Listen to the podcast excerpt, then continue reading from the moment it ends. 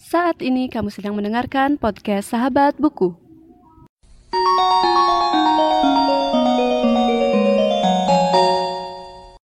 Sebelum mendengarkan episode kali ini, jangan lupa follow podcast Sahabat Buku di Instagram di @podcastsahabatbuku.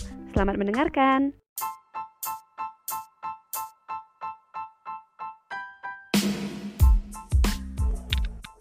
Halo Kak. Halo, hai, hai, hai, halo. Oke, nunggu Kak Nata dulu ya. Iya, ya. Santai.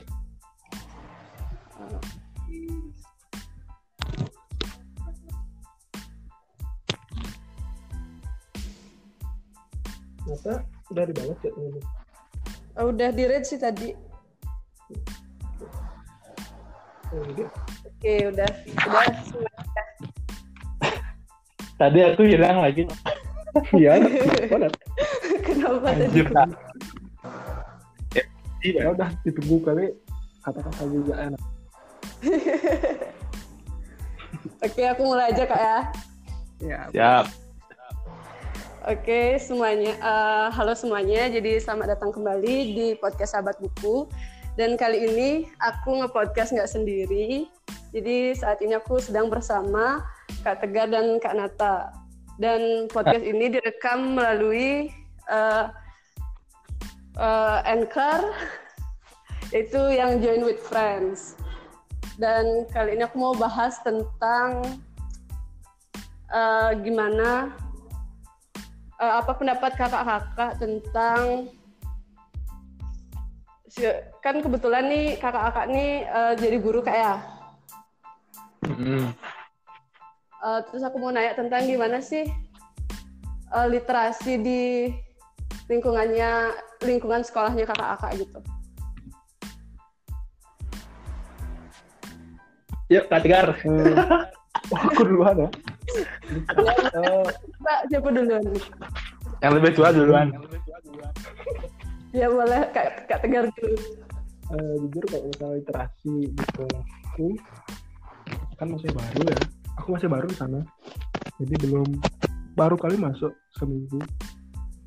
Ak- Dan setelah sampai seminggu seminggu kerja di sana, langsung di apa namanya diliburin. Jadinya nggak terlalu belum terlalu gini sih sama literasi di sana. Itu sih, itu aja sih. Wow. Jadi nggak belum Bang. terlalu lama ada adaptasi deh. Oh gitu, deh. Kalau Kak Nata gimana? Kalau aku ini nggak bakal hilang lagi kan suaraku kan? Ya udah. semoga nggak ya. Udah, udah panjang-panjang ngomong, eh ternyata nggak kerekam anjir gitu. Eh,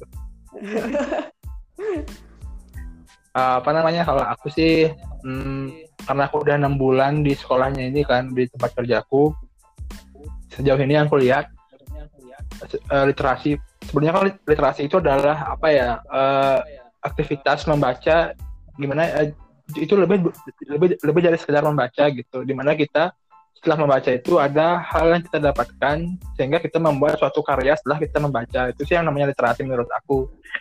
Eh, nah kalau di sekolahku kayaknya belum sampai ke tahap literasi. Hanya sekedar membaca gitu. Maksudnya ketika mereka mem- membaca itu tidak ada hal yang mereka hasilkan tidak ada karya yang mereka hasilkan gitu. Hanya membaca. Dan membaca itu pun eh, tidak semua informasi mereka serap dengan baik dengan penuh gitu. Hanya setengah-setengah gitu.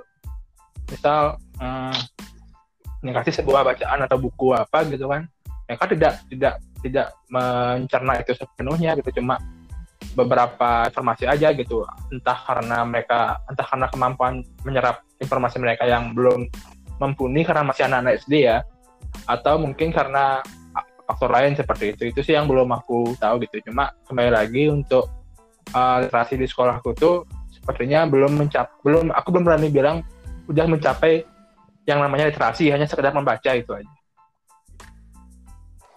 Oke, jadi kan eh, secara dari kakak nih anggap eh, dari kak Nata belum gitu. Dan kalau buat kak Tegar tuh belum belum beradaptasi gitu tadi kak ya. Terus kalau dari kakak pribadi nih misalkan kakak sendiri eh, suka baca buku nggak dan kalau misalkan suka baca buku atau pernah baca buku apa aja yang menarik gitu. Bisa dari Kak Tegar dulu deh. Waduh, saya berat loh. Kalau misalnya baca sih, oke lah, gitu. Suka baca, tapi kalau lagi mood, ya kalau lagi moody baca, kalau lagi pengen baca ya baca. Tapi aku lebih cenderung ke eh, bacaannya ke komik, komik itu kan termasuk bacaan kan? Iya, komik. Benar. Bener, bener. Iya kan? Terus apa ya? Kalau misalnya baca bacaan kayak novel kayak itu pernah sih dulu waktu kuliah kuliah dulu kan kayak ada tuh buku-buku dari teman teman aku baca tapi makin ke sini makin gimana ya mood moodnya belum dapet. Tapi suka loh suka sih. Kalau mood gitu. Biasanya sih dia Aku Oke. orangnya- ya ya gitu gitu aja gitu. Kalau rekomendasi buku yang kakak pernah baca, terus kakak tuh kayak waktu baca tuh ada feeling atau kayak niat banget buat baca tuh ada nggak? Eh, gini. Yang yang cacing dan kotorannya lu tau nggak? Oh, si cacing dan kotoran kesayangannya. ah tuh itu, itu, itu bagus tuh. Iya, iya, bener. Aku udah aku udah baca juga itu. Ada lagi. itu ya sih yang menurutku excited baca Oke, bisa diceritain sedikit bukunya tentang apa kak? karena aku karena aku udah lama baca baca ya cuma ada satu buku di mana kayak kita disuruh introspeksi diri gitu sih di bukunya itu ya sih? Bener nggak sih? Iya. Jadi selama kita hidup tuh eh, kita nggak sendiri kayak gitu sih aku nangkapnya tapi benar sih juga Ya. itu aja sih yang aku nangkap sisanya aku udah lupa udah udah nguap gitu dia Oke. udah menguap Maaf dong. Oke lanjut deh ke Kak Nata dulu. Gimana Kak? Eh, apakah ada rekomendasi buku atau buku yang membuat kakak gimana gitu waktu baca bukunya? Eh, buku nah ini apa nih eh, rekomendasi bukunya apa gitu buku apa aja Iya. ah, ah. Ah, kalau aku sih sekarang eh, udah jarang udah jarang banget baca eh, udah novel kayak gitu gitu kalau aku sekarang kalaupun ke toko buku tuh aku nyari buku-buku yang apa bilang ya buku-buku karena aku fokusnya di puisi gitu ya jadi aku lebih tertarik ke baca-baca buku-buku antologi puisi kayak gitu gitulah Eh, cuma eh, sekarang aku fokusnya nyari buku-buku yang apa ya modelnya tuh kayak tahu yang buku yang kecil terus covernya tuh hardcover gitu loh kayak buku diary gitu Oh. iya. Ah, ah. kayaknya bukan bukan puisi tapi ke apa ya kayak kutipan-kutipan gitu loh kayak kutipan-kutipan tentang perasaan seseorang atau apalah gitu yang isi gambar-gambarnya tuh yang berwarna kayak gitu gitu Oh gitu. Ah. Pernah baca yang ini mau di Ayunda Dear Tomorrow yang kayak gitu ya? nggak tahu belum tahu tuh no. Kalau aku bacanya yang gini untuk teman tuh untuk teman yang covernya warna merah tuh pokoknya adalah ada serinya tuh kayaknya bukunya tuh cuma aku belum belum beli yang lain baru satu aku beli. Gitu jadi aku Oh, gitu. fokusnya ke sana sekarang gitu kenapa ke novel karena yang pertama aku takutnya nggak ada waktu kan. Takutnya beli-beli doang tapi nggak aku baca kan mubazir gitu. Nah kalau buku-buku yang kecil itu aku bisa bacanya gitu. Maksudnya pasti habis entah itu sehari dua hari pasti habis. Karena emang dari segi halaman dikit kan. Terus eh, tapi dia walaupun dikit halamannya tapi kata-katanya di buku itu kayak ngena banget dan aku itu sih yang aku cari gitu biar dapat inspirasi buat buat puisi atau buat novel atau apa gitu. kayak gitu terus Oke. rekomendasi dari aku itu dah yang pertama yang buku untuk teman tuh dia tuh eh, eh, ta- tagar buku untuk temanku gitu kalau nggak salah bukunya bukunya di kos soalnya nggak aku bawa ketinggalan aja lupa Oh gitu. Ah, ah. terus apa lagi ya buku buku puisinya Terelie satu aku punya yang judulnya apa tuh ya? Oh gitu. Katakan atau tidak dikatakan itu tet- tetaplah cinta gitu pokoknya. Waduh dalam sekali. Bahkan asal tidak dikatakan itu tetaplah cinta gitu. kayak gitu itu buku Terelie habis itu eh bukunya gini menjadi manusia. Tahu kan? Om, buku. Aku nggak baca Nggak, tapi dengar podcastnya aja. aku punya bukunya tuh di, di kos itu kayak buku kumpulan surat-surat tentang perasaan-perasaan seorang lah gitu. Aku belum sempat baca sih itu karena sudah tak bilang eh, belum sempat aja gitu. Aku aku bacanya malah buku-buku yang lebih belakangan aku beli yang lebih lucu itu yang yang kebetulan aku baca. Kalau kalian mau minjem tuh ada di kos tuh buku menjadi manusia gitu. Habis itu ah, apa lagi? Hmm, gestur tubuh. Cara membaca Gestur tubuh tubuh. ya itu punya tuh. Aku dari kelas eh dari semester satu pas kuliah tuh sudah punya bukunya tuh. Itu tentang apa kak? tentang gitu dah sesuai, sesuai dengan sampulnya cara membaca gestur tubuh gitu. Jadi Oh, Serius? iya.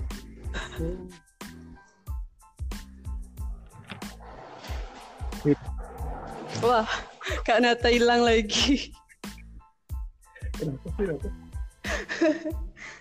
Oke deh. Sembari menunggu Kak Nata, lanjut, lanjut aja dah dulu Kak ya. Ya, Kan eh, kakak nih sekarang Nih, kan. udah kerja, terus lagi kan oh, udah, udah datang lagi Kak Nata. yang paling kenapa? yang paling keren kontennya yang di bukunya itu adalah gimana cara kita tahu karakter orang dari eh, parafnya dia, cara dia menandatangani sesuatu gitu. Yang aku yang yang aku ingat itu adalah kalau ada orang yang dia tuh pa- parafnya itu adalah dia tuh men, ya lebih dominan huruf awal di di di namanya dia gitu. Misal kayak era terus paraf merah tuh kayak i-nya gede terus nggak jelas lah apa gitu. Cuma tapi, tapi huruf i-nya tuh yang kelihatan jelas gitu loh. Tuh, itu berarti kalau kayak gitu tipe parafnya berarti orang yang bersangkutan ingin dinilai unik atau berbeda dari orang-orang lainnya kayak gitu.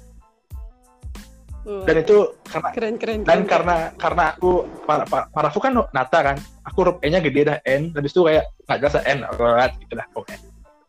Dan dan itu benar gitu, maksudnya aku secara personal ingin dilihat sebagai orang yang berbeda, orang yang unik gitu dan begini aku mikir, oh benar buku ini sih gitu.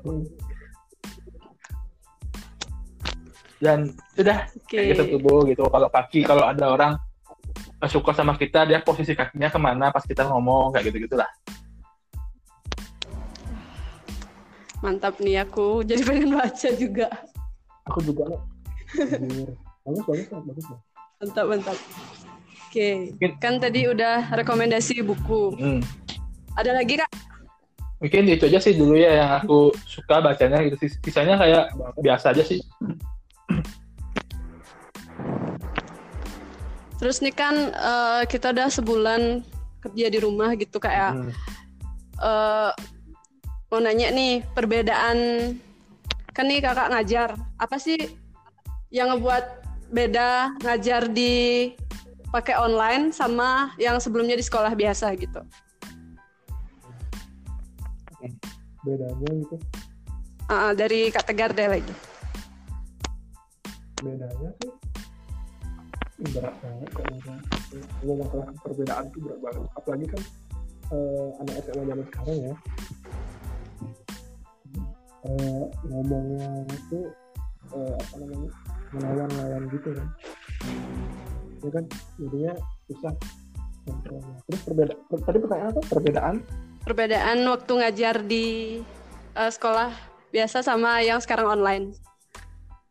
Hmm, beda banget. Kalau misalnya kalau misalnya sekolah biasa, menurutku kalau ngajarnya itu aku bawa materi terus ngasih ke mereka secara langsung kan.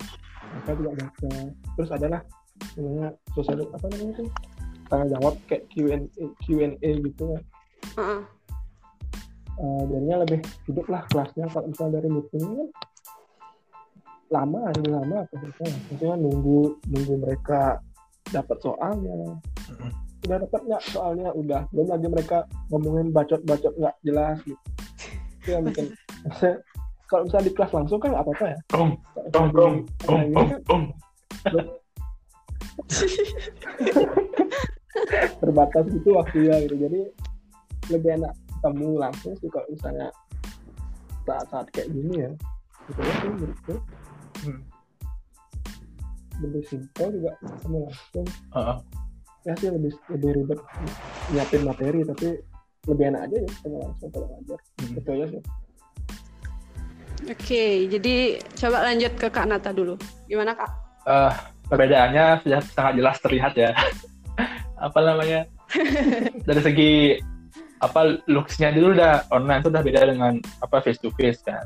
Nah, untuk eksekusinya itu eh menurut aku sih online itu yang lebih eh, ribet apa karena di online itu kita fokus ke masing-masing individu.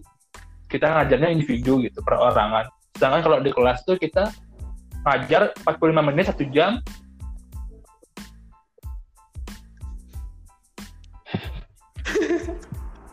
Waduh, kenapa itu lanjut pas lagi ngomong lagi kakaknya hilang. iya ya setiap dia ngomongnya Waduh. Ya udah. Terus sembari menunggu lagi kasihan podcast ini percobaan Ya, Kak ya. nggak nggak pernah pakai Ya. ini soalnya. oh iya ya bener ya Heeh, apa lagi lama sekali. Tadi gini. garing. balik lagi Ingin tuh berkata kasar, sumpah. Pas lagi ngomong terus Iya. Ci. Is, aku udah hilang dah. Hilangnya, aduh. masih ingat apa yang pengen diomongin apa? Hilangnya. Aku udah hilang. Kan tadi perbedaannya Ah. jelas online sama sama offline tuh gini apa? Dari looks-nya aja udah udah Ah. beda gitu. Apalagi Kak? oh iya sampai tahu aja. Oke, dari looks-nya itu udah beda kan online sama face to face. Kalau di online itu kita benar-benar individu kita fokusnya gitu. Jadi kita menerima apa eh melayani orang-orang yang japri ke kita kan individu jadinya nanya-nanya apa gitu. Sedangkan kalau kita face di kelas itu satu jam tuh 45 menit misalnya kan. Itu kita ngajar masuk kelas langsung ke semua kayak broadcast itu kan. Jadi kita ada yang nanya tuh semua dengar jelas gitu. Jadi kita nggak perlu lagi ba- membalas satu persatu pertanyaan siswa kayak gitu. Itu sih pembedanya sehingga kalau online tuh kita cenderung capek kan. Karena kita melayani siswa per siswa. Sedangkan kalau face to face itu enak kita langsung break. Semua kita jelasin semua langsung paham lah gitu lah. Tanpa harus kita jelasin one by one ke eh, siswanya kayak gitu. Itu sih perbedaan yang paling eh, mendasar ya, yang paling buat ribet gitu. Oke, jadi eh ternyata lumayan juga ya eh, susah buat ngajar di apa di online learning. Terus, nah aku sebenarnya eh, pengen nanya juga nih kebetulan aku kan semester 6 nih kak ya, dan kakak-kakak nih udah ngelewatin semester 6 kayak aku nih Ah. gitu. Bisa greget. itu dah. Eh, menurut kakak nih, waktu ya cerita deh pengalaman kakak waktu semester 6 tuh kayak gimana gitu. Dari mata kuliahnya, dari dosen-dosennya, dari teman-temannya gitu. Bisa ceritain deh. Dari aku nih biar nggak hilang lagi. Dari-. Ya boleh. ya boleh boleh boleh boleh kasihan banget Aku hilang-hilang ada asik ntar ngomong hilang lagi. Eh, apa namanya pengalamanku di semester 6 itu kan kalau setiap orang pasti punya apa istilahnya ya, semester tersulit mereka lah gitu kan. Ada yang bilang semester 5 lah puncaknya gitu kan itu semester sehat gitu. Ada yang bilang semester eh, 8 atau enggak semester berapa di sini mungkin sebelum 5 gitu. Nah kalau semester 6 sendiri eh kalau dari aku sih nggak sesudah semester sebelumnya dan setelahnya gitu. Maksudnya kalau dari aku justru yang paling berat itu adalah semester hmm, semester 4 karena waktu pas aku semester 4 itu tiap minggu itu ada aja tugas maksudnya ada ya tugas dan itu dikumpulnya minggu depannya. Dan itu banyak banget mata kuliah yang kayak gitu. Jadi benar-benar menguras tenaga pikiran lah gitu pas semester 4 itu benar-benar jenuh banget gitu. Udah semester 4 rasa semester 5 lah pokoknya pas Cuma kalau pas aku semester 6 tuh udah mulai apa ya down lah gitu. Ibaratkan roller coaster nih udah naik terus udah mau mau, mau turun tuh lah mau mau turun jadi semester 6.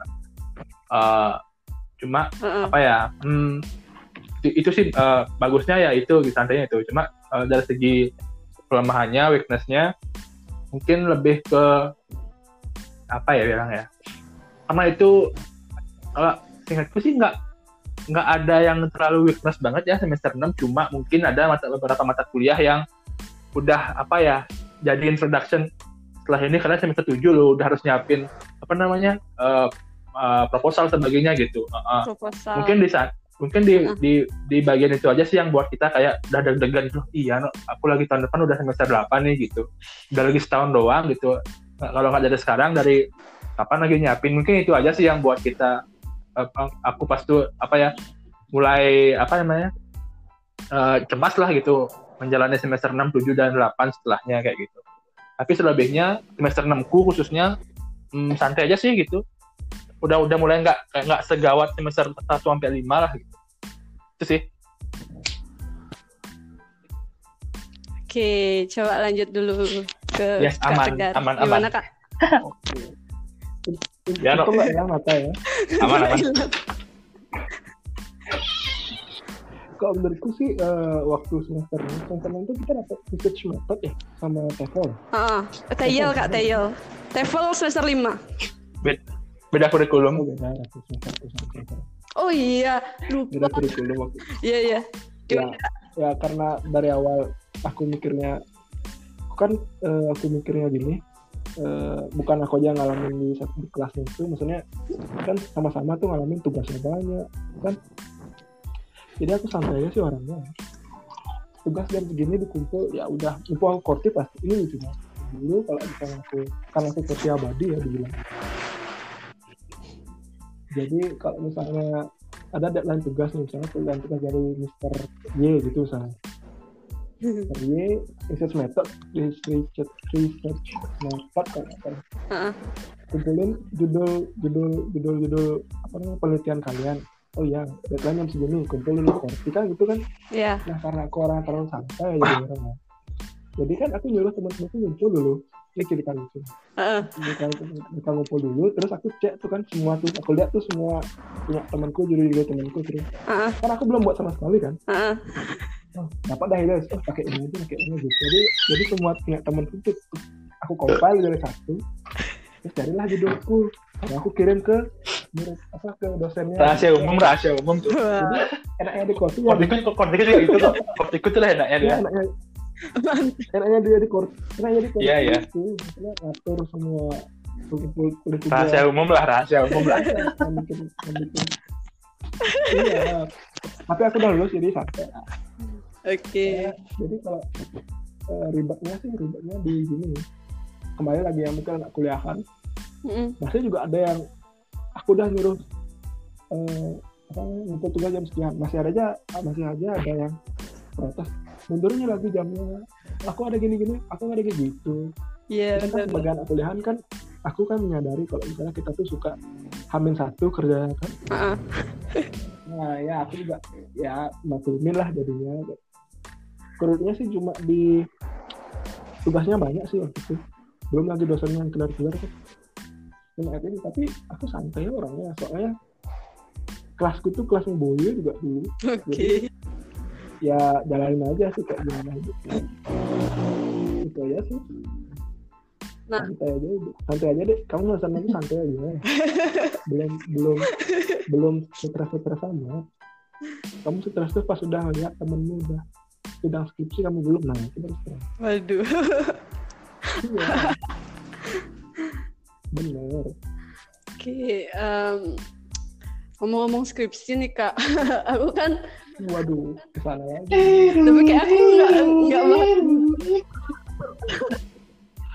terlalu kamu kelas apa deh ya gimana? kamu kelas apa kamu kelas apa deh Kelas D. oh Iya, iya. Kalau Ah, apa? Kalau apa hubungannya Tapi kalau bahas kelas? itu kayaknya apa relevansinya punya kelas? enggak enggak kan biasanya ada skala prioritas kok dosen tuh Berarti kalau kalau kelas D itu gimana? Kalau kelas A itu Biasanya gimana? iya ada persepsi dosen yang senior kayak gitu ya gimana tuh kak? Karena karena aku kelas A ya, kelas sedikit sedikit curhat nih. banget banget banget banget Oh boleh nih lanjut kak cerita. Apa nih? Aku. Oke. Kesukaan. karena aku kelas A kan Iya. kelas A lah gitu. Jadi eh, perspektif nggak sih semua dosen ya tapi kebanyakan dan terutama dos- dosen-dosen yang berpikiran berpikiran bahwa yang anak kelas A itu pasti anak-anak yang pintar lah dan, dan sebagainya gitu. Ya itu dosen-dosen yang udah senior lah ya. Ada di beberapa mata kuliah tuh kan pas aku semester 6 itu micro teaching kan semester 6 sudah dia, diajarkan Hmm, benar benar. Eh, si dosen tuh bilang ini dia bilang bilang kayak gini oh, kalau kan kelas A gitu kan pinter-pinter gitu pasti bagus-bagus bla bla bla bla gitu.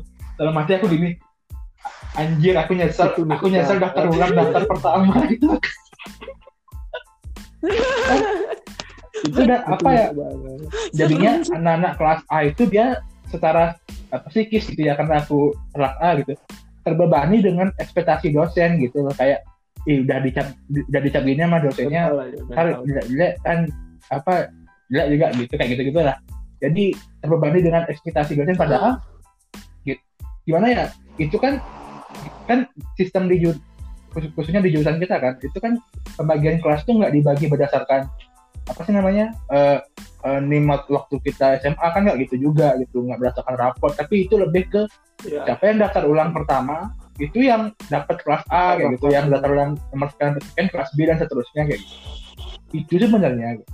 Tapi Mm-mm. entah, entah pemikiran dari mana mungkin dulu sistem di kampus kayak gitu mungkin ya dulu ya zaman zaman dahulu gitu mungkin di rankingin dia tapi sekarang kan udah enggak gitu itu sih curhatan anak kelas A Iya. Lagi lagi dosen kayak gitu tuh ngomongnya ngomong kan dosen kayak itu mikirnya A sama B ya gitu. Uh-uh. Gitu.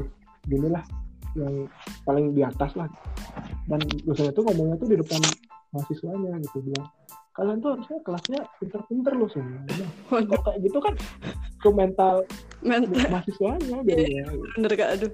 Tapi kalau tapi kalau di aku sih di kelas itu ya tetap aja mau boye. Udah aja bu itu lah serunya kalau kelasku yang penting lulus gitu. Kan jadi ya dapat ah, belum lagi mikir dari dosennya tuh biar tuh ngasih nilainya tuh suka tapi kok di kelasku ya ya udah kalau misalnya dapat itu ya udah sih lulus ya ulang gitu ya mikir jadinya santai aja gitu kan tapi tetap aku nggak terima sama pemikiran dosen itu yang mikir kalau misalnya A sama B itu baik itu nggak banget Ya.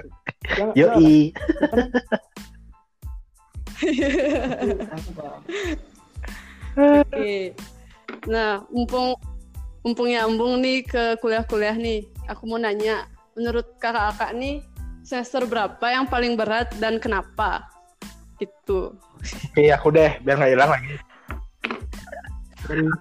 Oke, siap. aku sangat trauma nih hilang hilang. Ya dua kali jadi kata gitu hilang di eranya hilang. Aduh. Ka- kalau kalau dari hmm, kalau dari aku yang terberat itu kan tadi udah aku bilang semester 4 empat eh, terus berapa ya? Hmm, lima nggak terlalu sih lima itu nggak terlalu berat karena ada mata kuliah drama jadi kayak apa ya tersamarkan lah gitu sebenarnya karena drama kan agak santai Iya, itu kan bener. bisa ngumpul-ngumpul teman bisa gelar geruduk gitu lah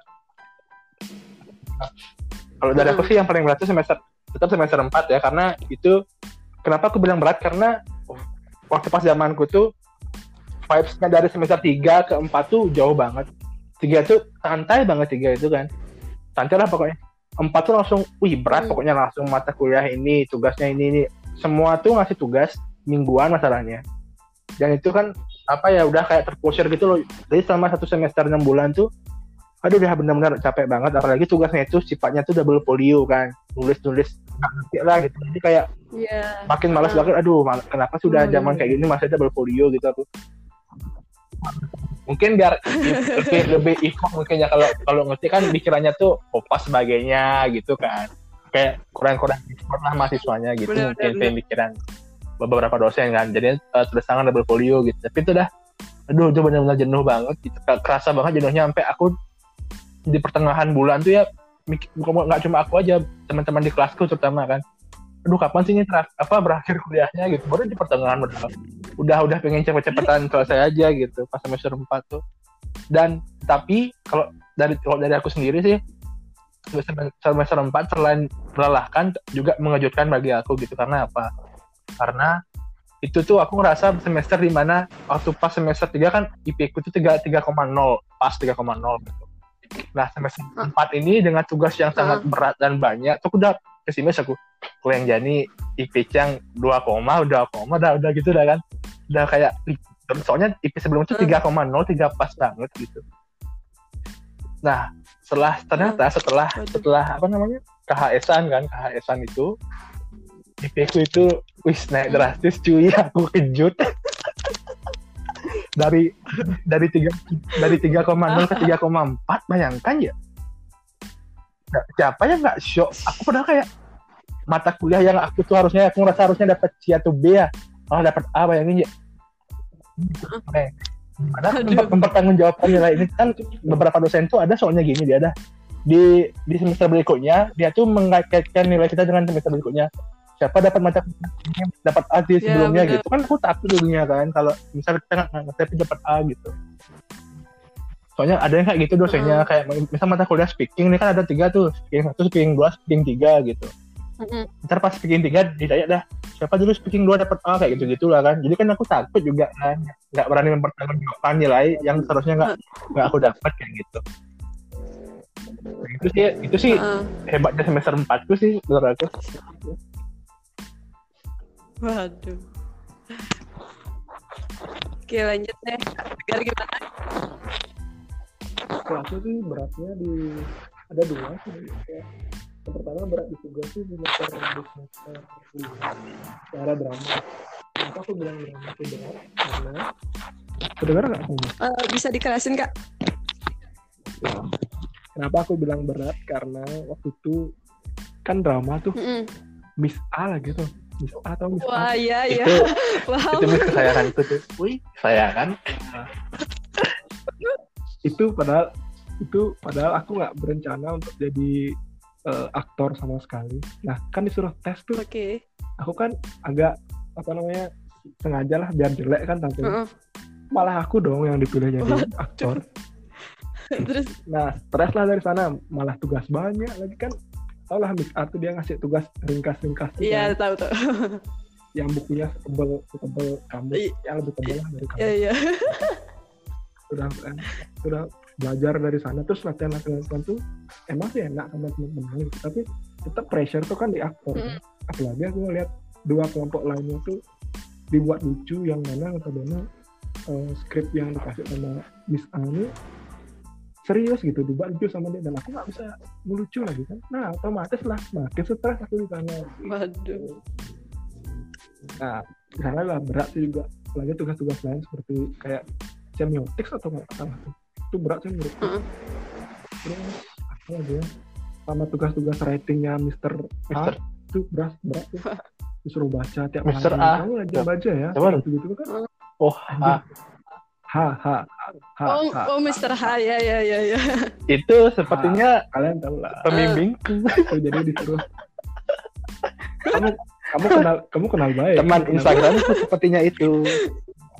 udah ya, Kamu dong. setiap di kelas tuh dia pasti nyuruh teman-teman teman-teman tuh kan emang juga agak malas gitu Heeh.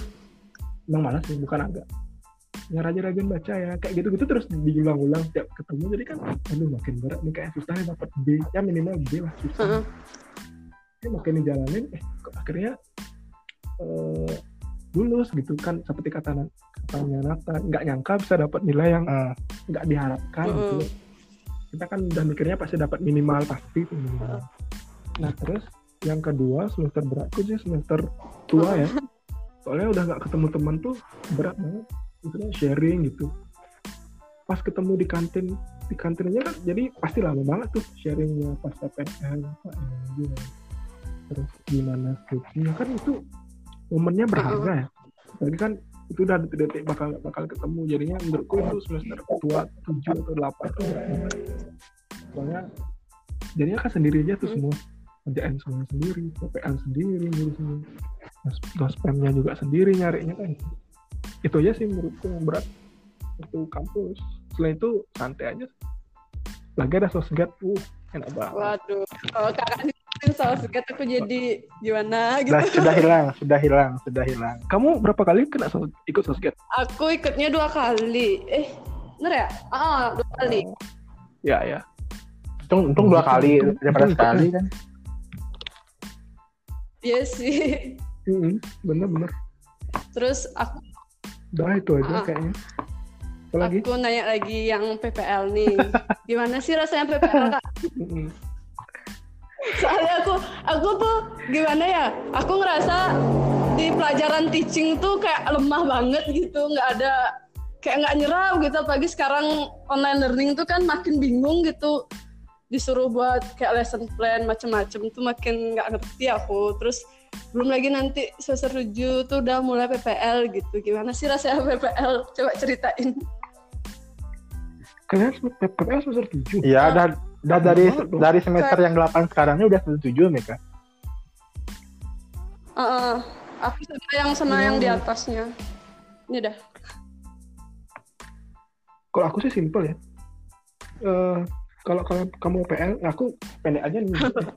kalau kalau kamu PPL tuh pas di tempat PPL tuh kamu belajar. Mm-mm. Serius ya? Yang awalnya kamu ngerasa nggak bisa ngajar tuh, lama-lama kamu bisa tuh.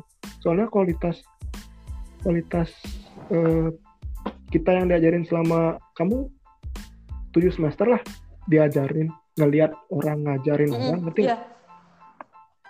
Jadi selama kamu PPL di sekolah tuh pasti bisa lama-lama gitu. Kamu bisa nguasain kelas, bisa nguasain muridnya, bisa apa ya? At least tau lah dasar-dasar ngajar tuh kamu tahu. Jadinya pas kamu udah di depan tuh ya santai aja gitu, ngalir aja kamu bisanya gitu. Beneran jadi kayak guru. Itu sih menurutku santai aja sih. Jangan terlalu ditakutin. Kalau lesson plan ya nyontek aja sama temen gitu. Santai. Mantap. Jangan ikutin ya kalau saya itu dulu. Karena saya nggak tahu gimana kan beda. Data gimana? Kalau aku sih gitu dah sama, sama kayak Kak, Kak Tegar. Jadi kadang-kadang bahkan aku pun merasa gini, eh, apa ya? ha- Hal yang aku pelajari di mata kuliah TEFL micro teaching ketika PPL itu kayak seolah-olah berubah gitu loh kayak berbeda gitu loh. Karena karena apa? Karena kita mengikuti aturan di sekolah kan dari segi RPP sampai eh, pembelajaran itu kayak gimana. Jadi kita ngikutin rule di sekolah gitu. Dan teori-teori yang ada di eh, di perkuliahan itu itu nggak nggak semua bukannya nggak bukannya jelek semua tapi nggak semua bakal kepake jadi ketika PPL itu kita bakal nemu strategi-strategi baru khas kita sendiri gitu loh. jadi kita yang tahu kelas kita kayak gimana kita nemuin strategi baru oh kayak kalau muridku kayak gini dia cocoknya kayak gini nih gitu. Yang mungkin tidak kita pelajari selama kuliah di di kelas kayak gitu. Jadi kita bakal nemuin hal-hal baru lah kalau PPL itu jadi nggak terlalu nggak usah terlalu di planning dari sekarang bakal kayak gimana. Dari, itu aja karena nanti itu bakal kamu temuin di lapangan gitu di di sekolah kayak gitu. Sama kayak kakak nih Eh, itu kalau kalau ngomongin PPL kan kakak daftarnya di daftarnya di SMP kan. Karena kakak mikir ngajar SMP lebih gampang daripada ngajar SMA kan gitu. Dan itu kakak kakak milihnya tuh di SMP Lab karena kakak alumni sana kan. Jadi biar gampang lah ngajar di SMP sendiri gitu.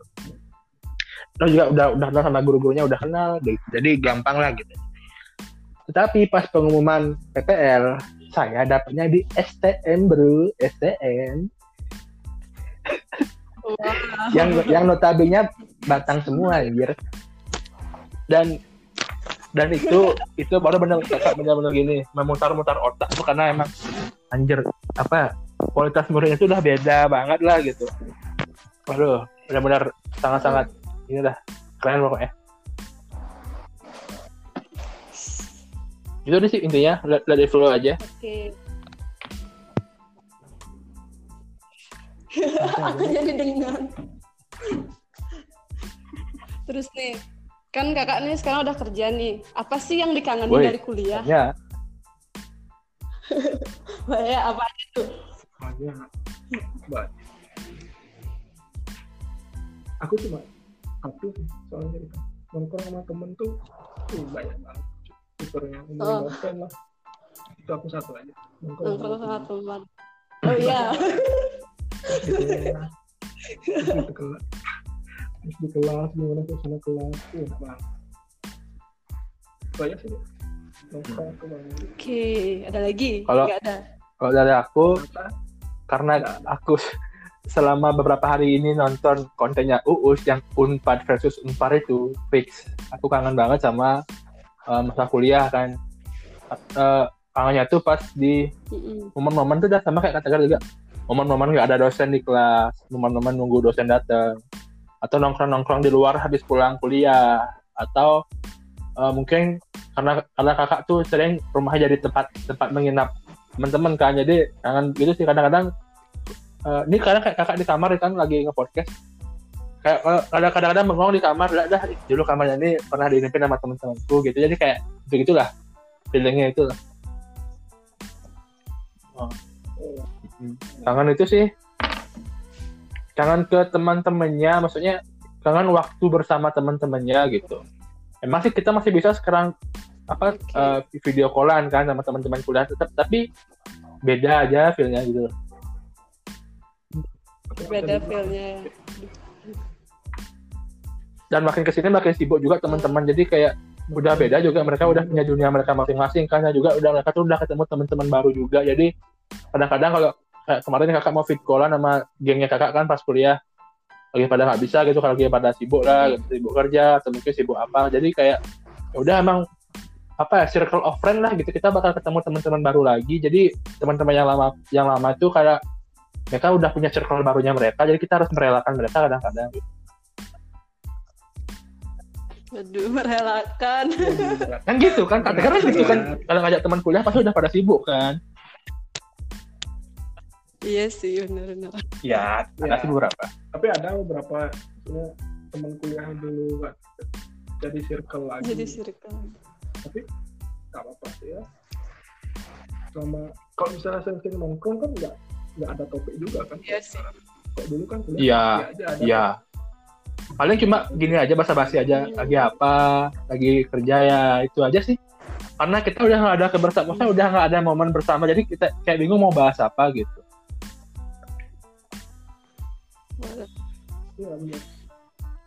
Mm-mm. mending sebulan sekali ketemu kan kan Kalau ya, nggak- Pesan kakak untuk era ya, banyak-banyakin buat video deh.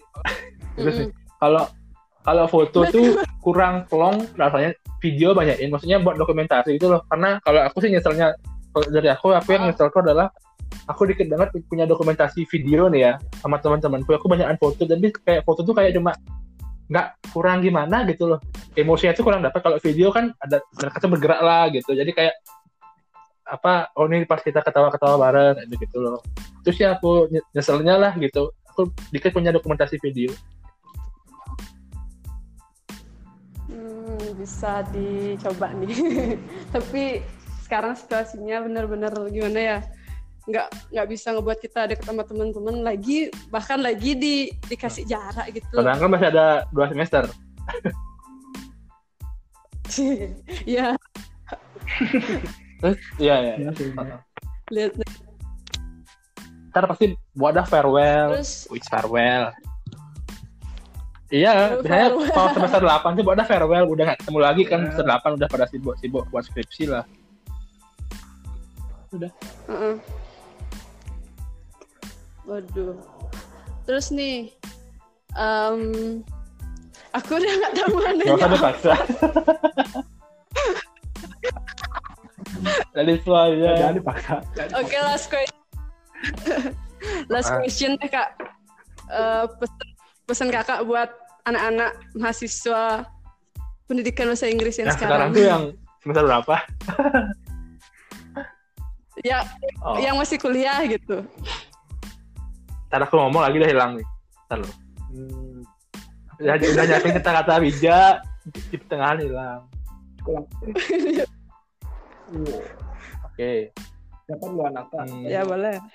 pesan aku untuk semua adik tingkatku di jurusan eh di prodi pendidikan bahasa Inggris eh tetap semangat menjalani kuliah online ini kuliah daring jarak jauh tetap semangat dan tetap eh intinya harus tetap ingat untuk bahagia sih setiap hari gitu. Karena kita masuk kita niatnya Betul. menghindari corona tapi kita malah dibuat merana karena tugas gitu kan. Jadinya sama jadinya sama sama aja gitu. Apa bedanya gitu? Ingat pokoknya kuncinya itu adalah untuk saat ini adalah jangan stres tetap bahagia gitu. Meskipun sulit diusahakan lah gitu. Itu. Terus tetap uh, tetap ber- berlaku sopan santun kepada para dosen, kepada sesama teman juga, tetap saling sapa gitu. Dan selalu buatlah kenangan yang sebanyak-banyaknya dan sekeren-kerennya selama kuliah itu aja.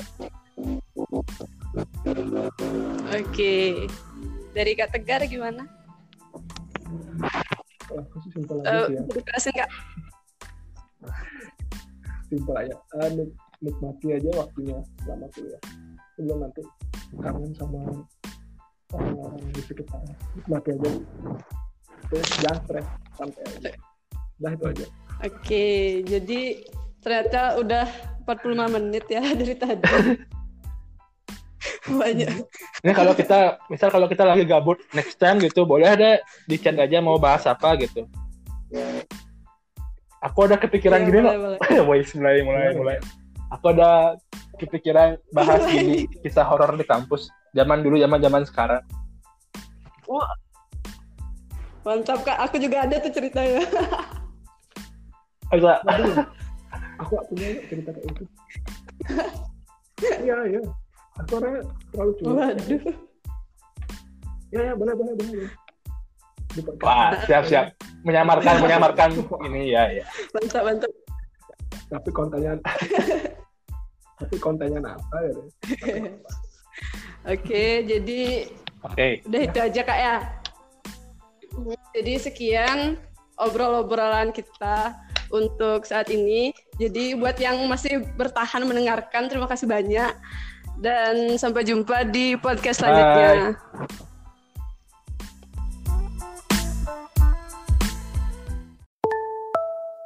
Terima kasih sudah mendengarkan podcast Sahabat Buku. Bagi pengguna Spotify, jangan lupa follow. Dan pengguna Apple Podcast, jangan lupa subscribe supaya bisa mendengarkan semua episode baru dari podcast Sahabat Buku. See you in the next episode.